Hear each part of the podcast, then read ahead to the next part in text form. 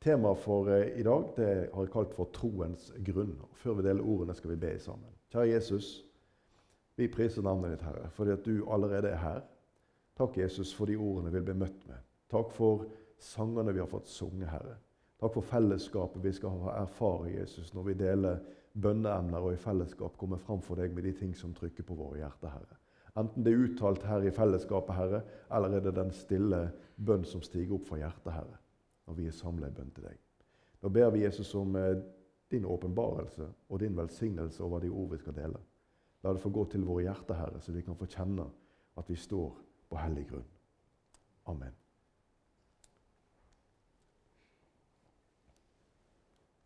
Se her.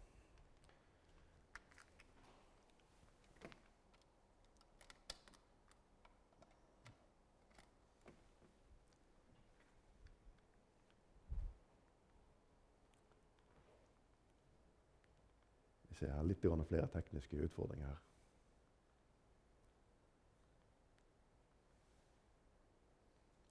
Se der, jo.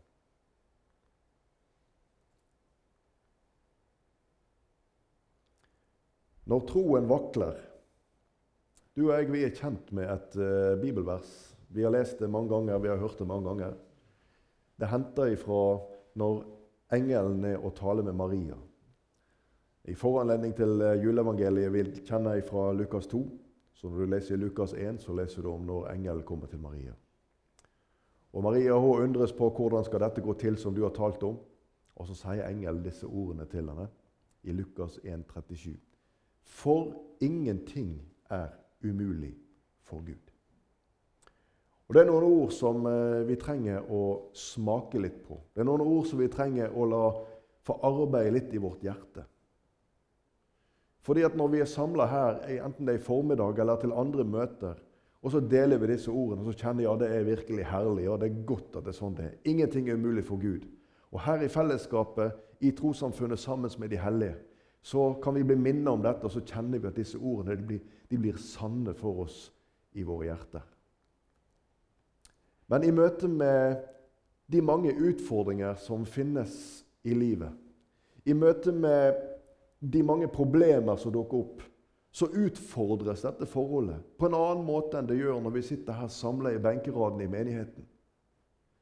Men når vi møter slike utfordringer som gjerne tross alt er håndterlige, så kan vi kjenne i våre hjerter at den troen vi har til Jesus, den troen vi har til bibelordet om at ingenting er umulig for Gud, ja, det er en styrke, det er en hjelp der i det hverdagslige.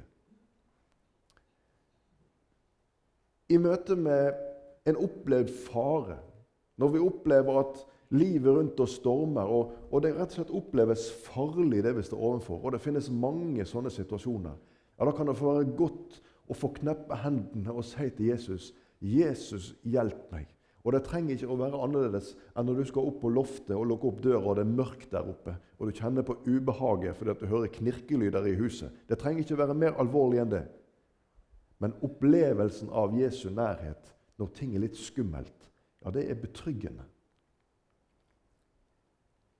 I Hebreabrevet kapittel 11 og vers 1 der leser vi om tro. Det står at tro er full visshet om det en håper. Overbevisning om ting en ikke ser. I vårt hjerte så kan vi vite at Jesus er til stede. Vi kan ha full visshet om at Jesus er til stede. Men hva skjer når vi står overfor de tingene som er uhåndterlige? Når på en måte det er utenfor rammen. Det handler om mer enn at vi har glemt bilnøklene. Eller det handler om noe mer alvorlig enn at det er mørkt på loftet og litt skummelt å gå inn. Hva når vi står overfor situasjoner som er håpløse i vår forstand? Uløselig. Det går ikke an innenfor menneskelig makt å løse. Hva skjer da med troen? I Jesaja 26 og vers 4 så leser vi dette bibelverset. Sett deres lit til Herren til alle tider. Disse versene de har vi hørt, og disse versene de kan vi. Men hva er det som skjer med vårt hjerte når ting rundt oss blir så alvorlig at det er ute av våre hender? hva skjer da med troslivet? Jeg vil spørre deg hvilket fundament er din tro bygd på? For det blir et spørsmål når det blir på denne måten. Du har hørt sangen om livet er godt når vi lever der på høyden. Men når livet er i dalen, da kan det være litt verre. Men Jesus er den samme i begge situasjoner. Til alle tider. Til vanskelige tider og i gode tider så er Jesus den samme. Men troens fundament er viktig. Vi skal lese om en slik historie. Vi skal dele to sånne historier her i formiddag. Når det så ganske håpløst ut. Og Den første det henter vi i Johannes 11. Vi leser fra vers 17 et stykke utover. Da når Jesus kom fram, fant han at Lasarus allerede hadde ligget fire dager i graven. Betania ligger nær ved Jerusalem, omtrent 15 stadier borte. Og mange av jødene var kommet til Martha og Maria for å trøste dem i sorgen over deres bror. Da Martha nå fikk høre at Jesus kom, gikk hun for å møte ham, men Maria satt hjemme i huset. Martha sa da til Jesus, 'Herre, hadde du vært her, da var min bror ikke død.' Og Hvis vi hopper frem til eh, vers 32 i samme kapittel, så er det i møte med Maria. Og vi leser, Da Maria kom dit hvor Jesus var og fikk se ham, falt hun ned for hans føtter og sa til ham, 'Herre, hadde du vært her, da var min bror ikke død.' Håpløsheten bare ringer imot disse to søstrene. Hvis vi oversetter litt av det som eh, disse to søstrene gir uttrykk for her Vi kan begynne med det første. Hvor har du vært, Jesus? Hvis du visste at dette var slik at Lasarus var i ferd med å dø, du som var så glad i Lasarus og som er så glad i oss, hvis du visste det, hvor har du vært, Jesus, som ikke var til stede her og kunne hjelpe oss? Hvis du virkelig bryr deg, Jesus, så hadde ikke dette skjedd. Hvis du virkelig har all makt, Jesus, da hadde det heller ikke skjedd. Du sa du ville være med alle dager, Jesus.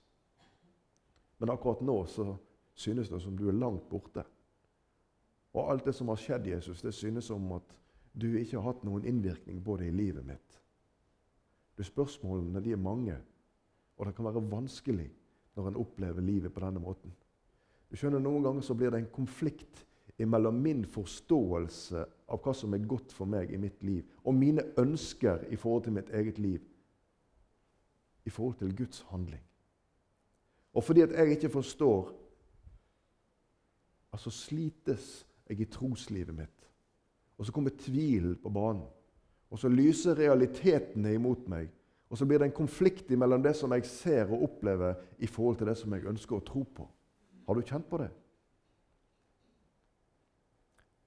En annen slik fortelling er om disiplene når de er i båten med Jesus. I Markus kapittel 4 vers 35-38 skal vi lese. Samme dag da det var blitt kveld, sa han til dem, la oss sette over til den andre siden av sjøen. Og de forlot folket og tok ham med seg i båten slik han var. Andre båter var også med. Da kom det en voldsom kastevind, og bølgene slo inn i båten så den holdt på å fylles. Men han selv lå og sov på en pute bak i båten. De vekker ham og sier til ham, 'Mester, bryr du deg ikke om at vi går under?' Du, frykten til disiplene, disse som tross alt var båtvante fiskere, frykten til disse menneskene er å ta og føle på her. En voldsom kastevind.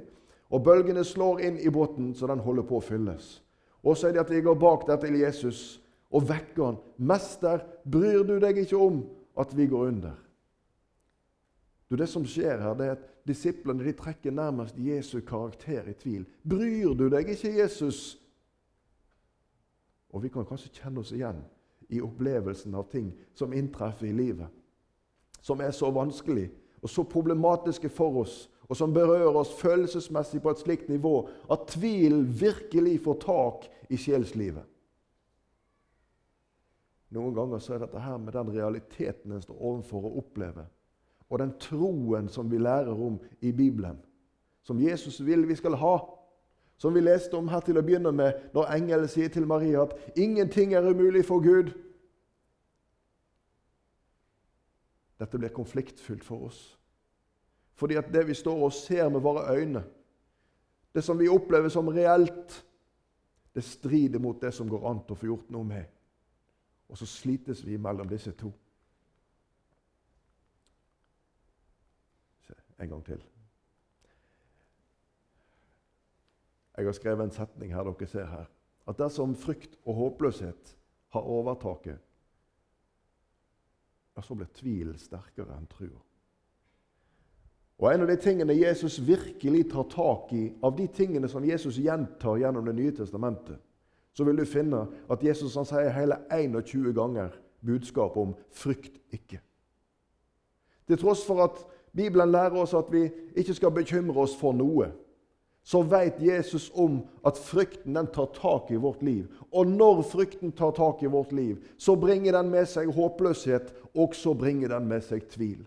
Derfor så adresserer Jesus dette med frykten, for han vet at disse tingene kommer i ulage for oss. Så troens fundament blir da viktig.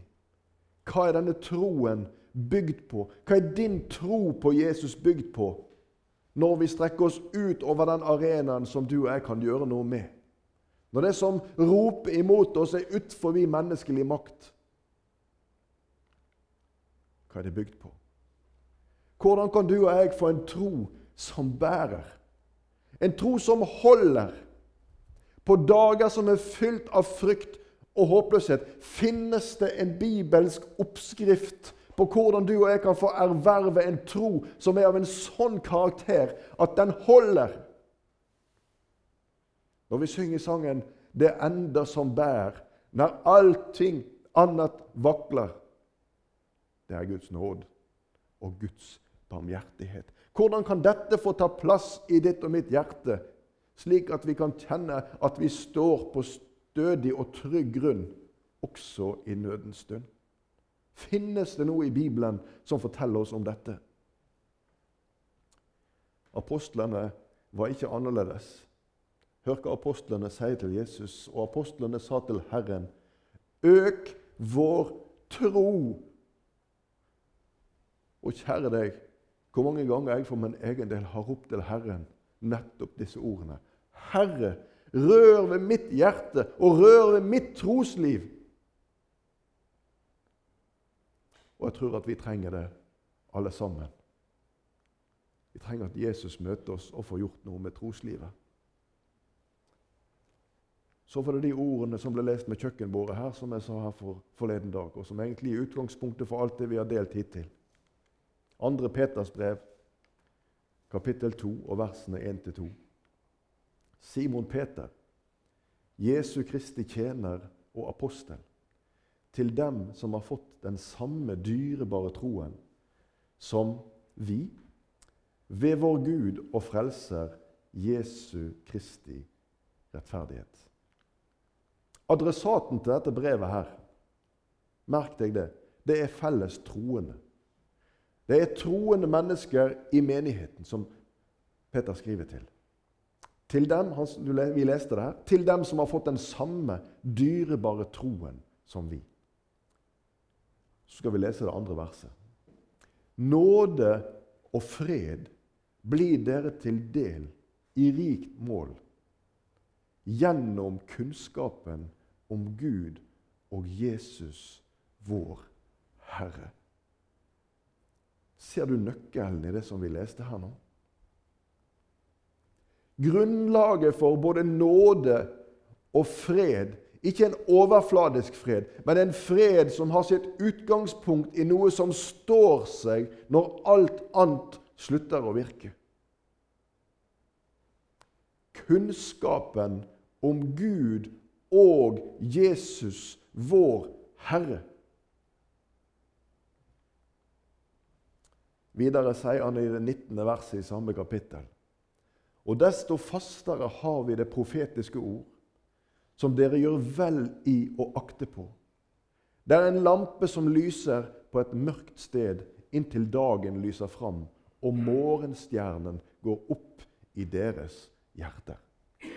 Desto fastere har vi det profetiske ord, som dere gjør vel i å akte på. Hvorfor det?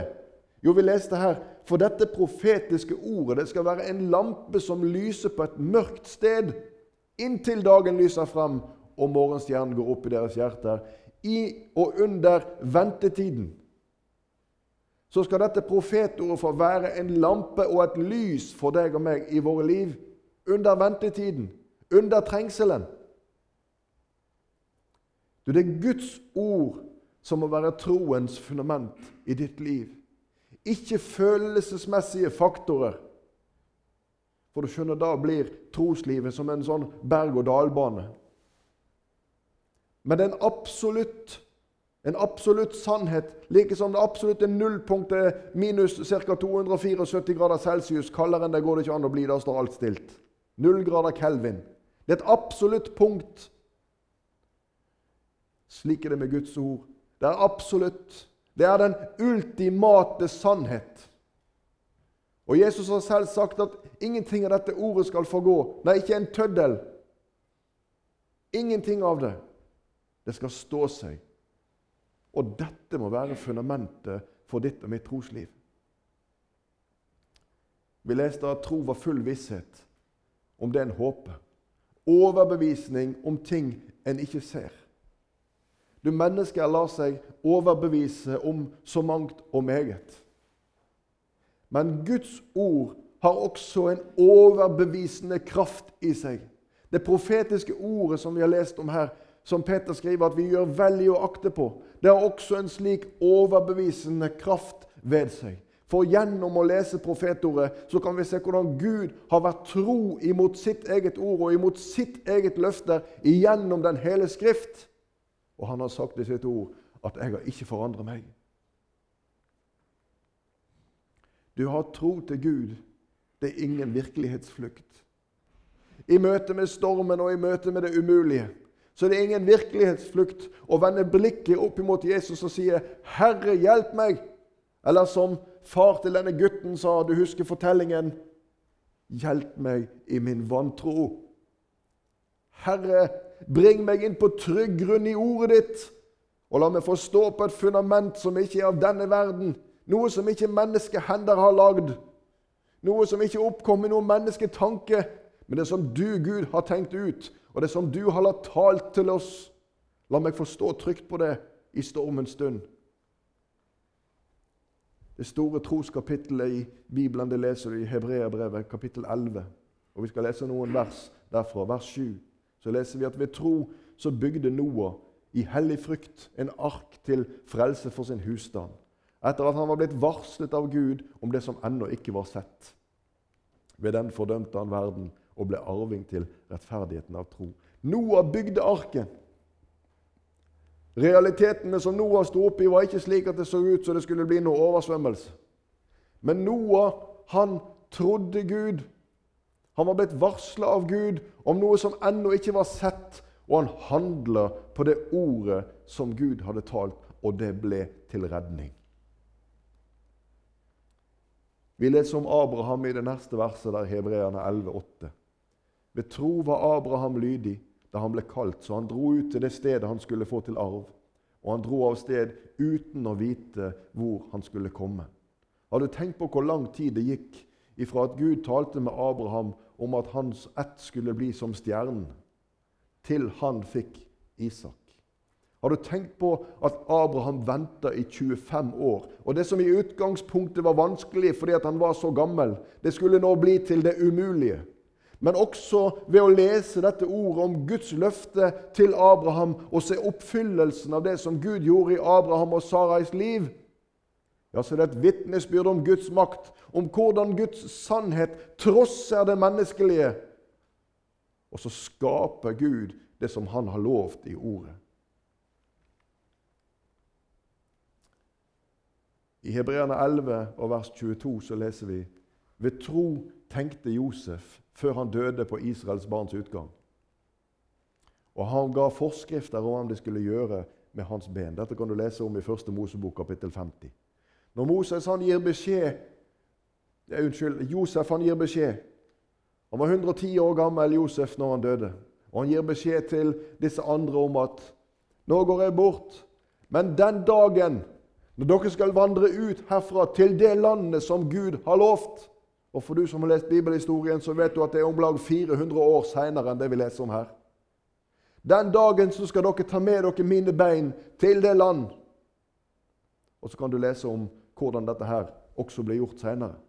At de tok med seg Josefs ben, når de drog opp ifra Egypten.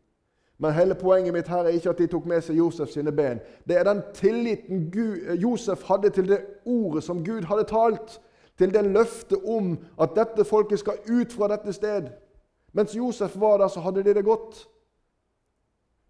Men seinere leser du om at det kom en, det kom en annen farao der i Egypt. En som ikke kjente til Gud, og som ikke kjente til alt dette her. Og så ble de slaver i dette landet i 400 år. Også det var profetert. Josef han hadde tillit i sitt hjerte til at en dag så skal vi ut herfra, og vi skal vandre til et land som Herren har lovt. Hebreabrevet 11,30. Ved tro falt Jerikos murer da israelittene hadde gått omkring dem i sju dager. Jeg er sikker på at det var ikke noe sånn herlig vandring der i ørkenen. Jeg er så heldig at jeg har fått vært der nede og sett på området der i Jeriko i Israel. Veldig, veldig varmt var det når jeg var der, iallfall. Og jeg ser for meg dette folket, med små og store, opp om morgenen, ut og stille seg opp og gå rundt denne her byen, disse veldige murene. De holdt portene stengt. Ingen kom inn, og ingen kom ut. Der oppe på murene kan du se for deg, der står vaktene og lurer på dette folket. De hadde jo stengt portene fordi at de hadde hørt om dette folket. De hadde hørt om den Gud som dette folket kjente, og det var frykt for dem der. Og så kommer folket, og hva gjør de? Ja, De går ikke til angrep. De begynner å gå rundt muren. Først en dag der i ørkenvarmen. Og så neste dag der i ørkenvarmen. Og så alle syv dagene. Og på den sjuende dagen ja, så gikk de sju runder. Hva er dette for strategi, Gud? Hva er det du har tenkt, Gud? Hvorfor skal jeg gå her i denne varmen, Gud? Hvorfor må det være så slitsomt? Kunne ikke du bare sagt det med et ord og knipse med fingeren, og så var dette løst, Gud? Kjenner du deg igjen i disse spørsmålene? Hvorfor skal du ha det sånn, Gud? Hvorfor kan det ikke bli sånn som jeg ønsker? Men på den tid når Gud hadde tenkt, og på den måten Gud hadde tenkt, ja, så falt du kan lese om dette i Josvas bok. Da falt muren sammen, så hver mann kunne gå inn i byen rett frem for seg. Det var ikke slik at til slutt ga porten etter for lydbølgene. Du, muren falt helt sammen, og slik er Gud. Gud trosser alt det som du og jeg tenker er absolutter. Gud han trosser naturkreftene. Gud han trosser alle de ting som vi ser på, på en måte som er rammen for det som går an. Og Nå er vi innom dette som handler om tro. For det kan Gud. For ingenting er umulig for Gud. Vi leser videre et par vers der i Hebreabrevet 11. Ved tro seiret de over kongeriker. Dette er trosheltene vi leser om her. Håndhevet rettferdighet, fikk løfter oppfylt, stoppet gapet på løver slukket ildens kraft, slapp unna sverdets egg, fikk styrke etter sykdom, ble veldige i krig og fikk fiendens hærer til å vike. Og alt dette som vi leste om her, det gjorde Gud. Vi er tilbake igjen i møte med Martha og Maria.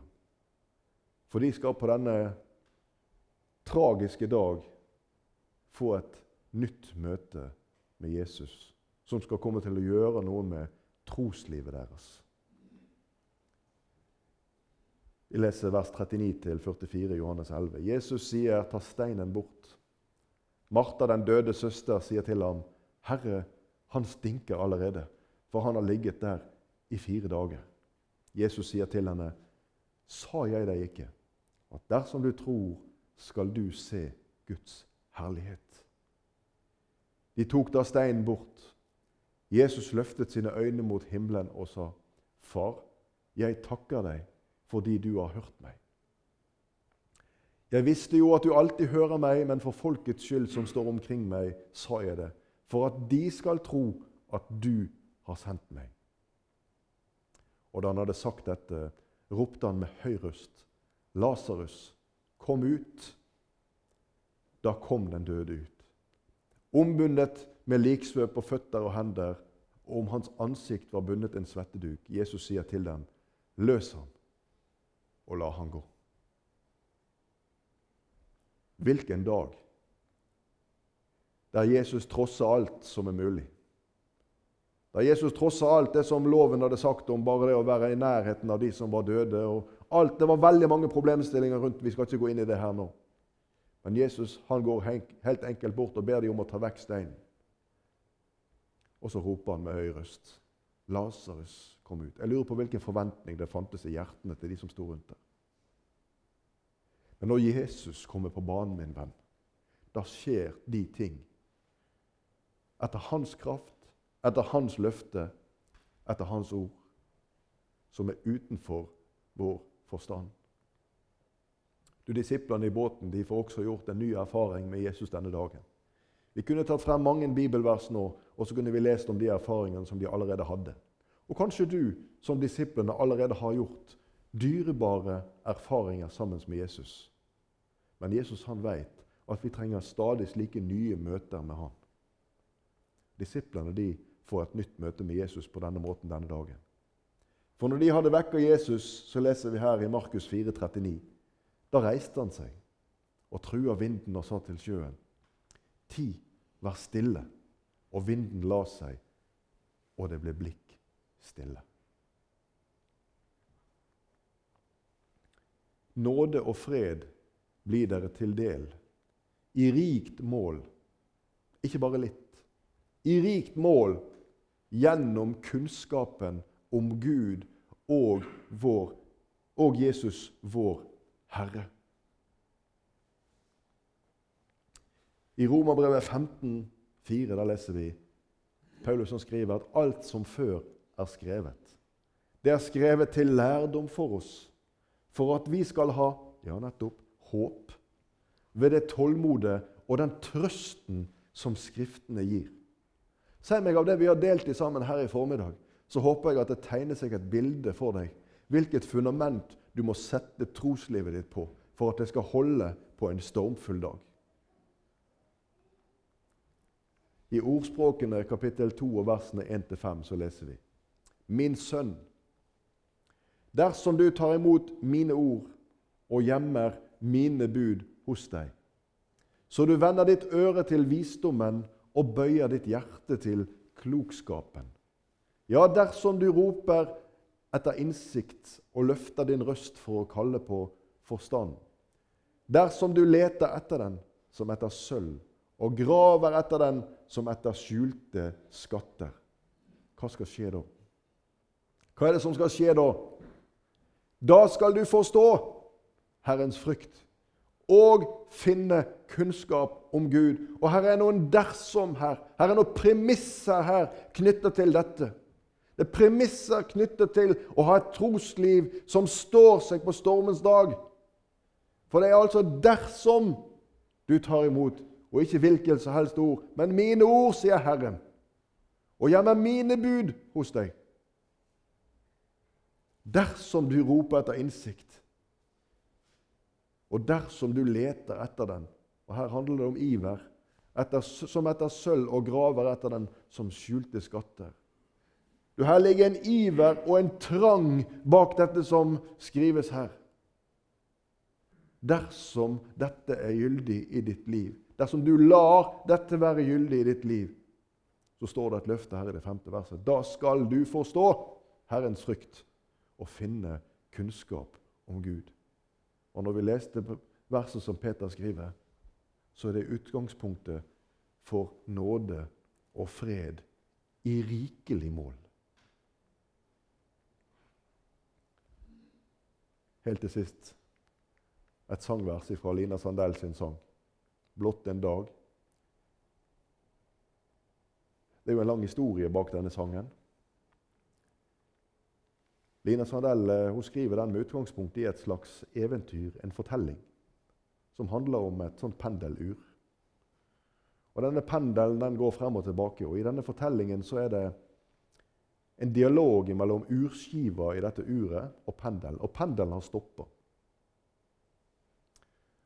Og så talte denne fortellingen til Lina Sandell. fordi at denne pendelen den hadde stoppa. Den hadde regna ut at i løpet av et døgn så måtte den gå mer enn 86 000 ganger frem og tilbake, for den gikk hvert sekund.